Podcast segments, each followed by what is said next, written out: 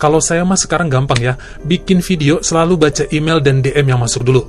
Bacain requestan kalian yang emang pada kreatif banget buat cari kasus-kasus yang menarik. Termasuk yang kali ini tentang kasus yang belum terpecahkan padahal sudah lima tahun berjalan. Kasus yang cukup menarik menggugah jiwa-jiwa detektif kita untuk bisa menelusurinya, yaitu kasus tenggelamnya mahasiswa UI, Akseina.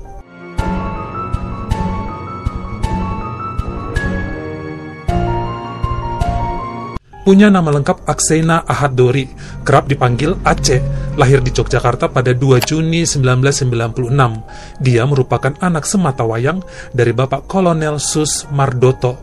Sebenarnya dia termasuk mahasiswa yang berprestasi, ya iyalah karena dia masuk UI ini melalui jalur SNPTN pada tahun 2013. Kalau zaman saya dulu namanya SPMB. Dia ini mahasiswa jurusan biologi di FMIPA UI. Ya satu fakultas lah sama saya, cuma saya ini jurusan fisika. Bodoh amat bang, sama lu mah.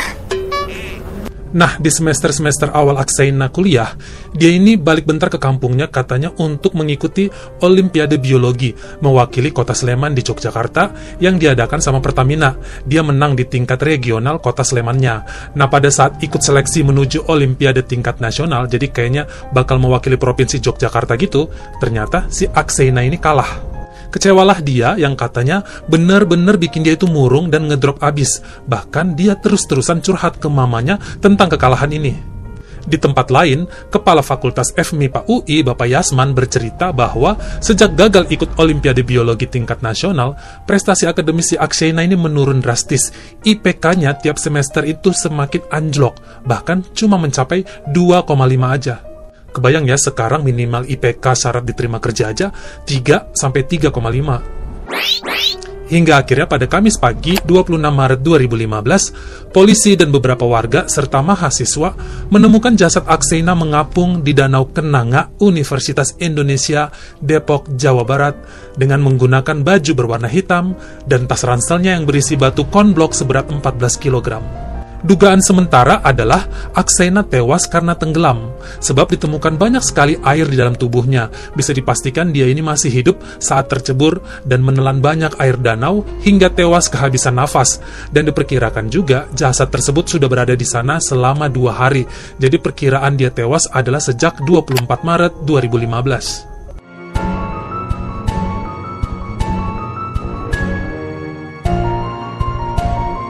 Kasus ini cukup menarik. Sebelum kita menuju teori, apakah ini kasus bunuh diri, kecelakaan, atau pembunuhan, saya mau bahas dulu fakta dan temuan yang didapatkan oleh pihak kepolisian. Yang pertama, diketahui bahwa mayat Aksena ditemukan dengan luka lebam di sekitar telinga dan pelipisnya, dan juga ada luka robek di bibirnya. Luka-luka ini diperkirakan polisi terjadi sebelum Aksena masuk ke dalam air danau, jadi bukan luka yang ditimbulkan oleh binatang atau gesekan tumbuhan yang ada dalam danau. Yang kedua, robekan di belakang kedua sepatu Aksena, jadi seperti robek tergesek karena seretan di tanah atau jalanan. Hal ini merujuk kepada kemungkinan tubuh bagian atasnya si Aksena digeret sama orang lain, sementara kakinya tetap menyeret jalanan. Mungkin dia dalam keadaan tidur atau pingsan. Ketiga, konblok atau batu seberat 14 kg dalam tasnya membuat tubuh Aksena tenggelam di dasar danau. Sepertinya ada kesengajaan nih beban ini ditambahkan agar Aksena nggak bisa bangun, mengingat tinggi air danau antara 150 sampai 160 cm aja. Bahkan bagian terdalam danau yang letaknya di tengah-tengah hanya 170 cm. Sementara tinggi Aksena adalah 172 cm. Jadi kalaupun Aksena berdiri di posisi jasadnya ditemukan, kepalanya masih ada di atas permukaan danau, mustahil dia tenggelam. Keempat, surat pamit yang ditinggalkan oleh Aksena di meja belajar kamar kosnya terlihat janggal bagi para grafolog, yaitu penganalisis tulisan tangan manusia, Ibu Deborah Dewi. Jadi gini, kalaupun surat itu ditulis oleh Aksena sendiri, itu seperti bukan surat perpisahan, karena kata-kata yang terkandung di dalamnya tidak spesifik. Lebih mirip sebuah puisi yang agak ambigu dan tidak menunjukkan dia benar-benar ingin pergi. Tidak bersifat mendesak seperti seseorang yang serius akan pergi selamanya. Will not return for coret? Please don't search for existence. My apologize for everything eternally. Yang paling meyakinkan menurut Ibu Deborah Dewi, surat pamit ini terdiri dari dua jenis tulisan tangan manusia. Jadi kemungkinan ini ditulis oleh Aksena dan orang lain, atau keduanya bukan Aksena. Yang kelima, setelah kepergian Aksena, satu dua hari kemudian sebelum polisi melakukan olah TKP, HP Aksena dipegang oleh temannya. Jadi waktu itu mamanya Aksena ini katanya coba nelfon nih ke HP anaknya. Ternyata yang angkat orang lain, yang katanya lagi tidur di kamar Aksena. Selain itu, kamar kosnya ditiduri dan diacak-acak oleh penghuni kos lainnya. Hal ini membuat investigator sulit sekali mencari jejak terakhir yang bisa mengarahkan kepada polisi apa yang sebenarnya terjadi. Yang keenam, Twitter Aksena aktif sesaat pada tahun 2017, dua tahun setelah dia meninggal, dengan tweet aku dan beberapa tweet lainnya. Walaupun akhirnya semua tweet ini dihapus, namun polisi mencurigai ini ada hubungannya dengan kematian Aksena. Sebagian berpendapat mungkin ini ulah polisi yang mencoba menelusuri isi pesan dari Twitternya.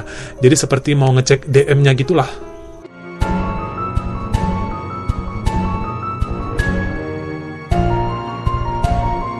Sekarang kita akan masuk kepada teori apa saja yang mungkin terjadi kepada mahasiswa yang usianya belum genap 19 tahun ini. Yang pertama, Aksena bunuh diri. Teori ini yang pertama berhembus, diduga sejak kegagalannya dalam Olimpiade Biologi kemarin, membuat Aksena ini depresi. IPK yang anjlok semakin membuatnya takut dan malu kepada orang tuanya, padahal sejak kecil prestasinya sangat membanggakan. Tapi teori ini ditolak oleh beberapa psikolog yang mengatakan agak mustahil jika Aksena berniat bunuh diri, dia memilih danau dangkal yang bahkan tubuhnya masih lebih tinggi dari kedalaman danau, karena hal ini bisa membuat niat bunuh dirinya gagal. Selain itu, kata psikolog, surat pamit yang ditinggalkannya tidak mendefinisikan dia ingin bunuh diri. Pada umumnya, orang yang berniat bunuh diri akan menjelaskan permasalahan dan mengungkapkan unek-unek hatinya, khususnya kepada orang tua yang disayanginya. Bukan surat ambigu yang ada di meja Aksena. Lagi pula, setelah ditelusuri bisa dipastikan tulisan tangan pada surat itu bukan milik Aksena. Selain itu, Mapolda Metro Jaya, Bapak Krisna Murti mengatakan luka-luka yang terdapat pada bibir, pelipis, dan telinga Aksena mengindikasikan dia tidak bunuh diri. Kalau bunuh diri katanya harusnya mulus, tidak ada luka lebam seperti itu. Yang kedua, Aksena dibunuh teman kosnya yang berinisial JB. Jadi JB ini adalah orang pertama yang masuk ke kamar Aksena setelah Aksena dinyatakan meninggal dunia, menemukan surat pamit dan juga sudah memegangi semua isi kamar Aksena. Alasannya sih emang udah biasa katanya saling inap antar anak kos karena Aksena juga melakukan hal yang sama terhadap kamar si JB, katanya sih begitu. Jadi kamar yang udah dipegang-pegang dan diacak-acak itu seperti memburamkan penyelidikan. Belum ada konfirmasi lebih jauh lagi tentang hal ini karena kurang bukti dan juga nggak ada motif. Sepertinya teori ini akhirnya menggantung begitu aja. Yang ketiga, sosok dua pria di tepi danau.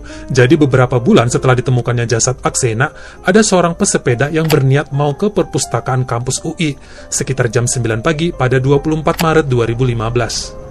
Saat itu katanya dia melihat dua pria berjaket hitam duduk di sana pada hari dinyatakan Aksena meninggal di pinggiran danau tepat di titik di mana polisi bilang Aksena diceburkan. Mungkin kamu mikir, emang gak boleh abang duduk-duduk di tepi danau? Nah, yang menjadi perhatian khusus adalah saat itu langit gelap dan hujan sangat deras. Jadi kayak badai hujan angin gitulah. Si pesepeda tadi bingung kenapa ada dua pria nggak berteduh dan juga nggak pakai payung si pesepeda tadi kan berteduh nih nggak jauh dari mereka. Nah dia sempat memfoto dua pria tadi dan sudah menyerahkan beberapa hasil fotonya kepada polisi. Tapi masih diselidiki karena ternyata hasil fotonya katanya agak burem karena hujan dan posisinya juga agak jauh lebih dari 10 meter. Begitu di zoom, fotonya pecah. Memang kasusnya cukup menarik ya. Dari informasi yang saya dapat, justru awalnya Pak Mardoto, ayah Aksena lah yang melihat semua kejanggalan dari kematian anaknya tersebut.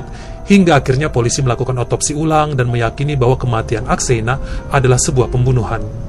Sampai pada saat ini, ada kurang lebih 20 orang yang masih disimpan sebagai saksi dan terus diselidiki mengenai keterlibatan orang-orang sekitar. Karena udah berjalan lima tahun, kasus ini masih juga mentok pada kurangnya bukti dan motif jika memang ini beneran pembunuhan. Dan kasusnya juga masih terus ditangani oleh Polresta Depok dibantu oleh Polda Metro Jaya. Kalau menurut kamu gimana? Apa kamu juga mikir ini adalah suatu tindakan bunuh diri? Saya juga mau tahu pendapat kamu tentang surat pamit yang ditinggalkan Aksena.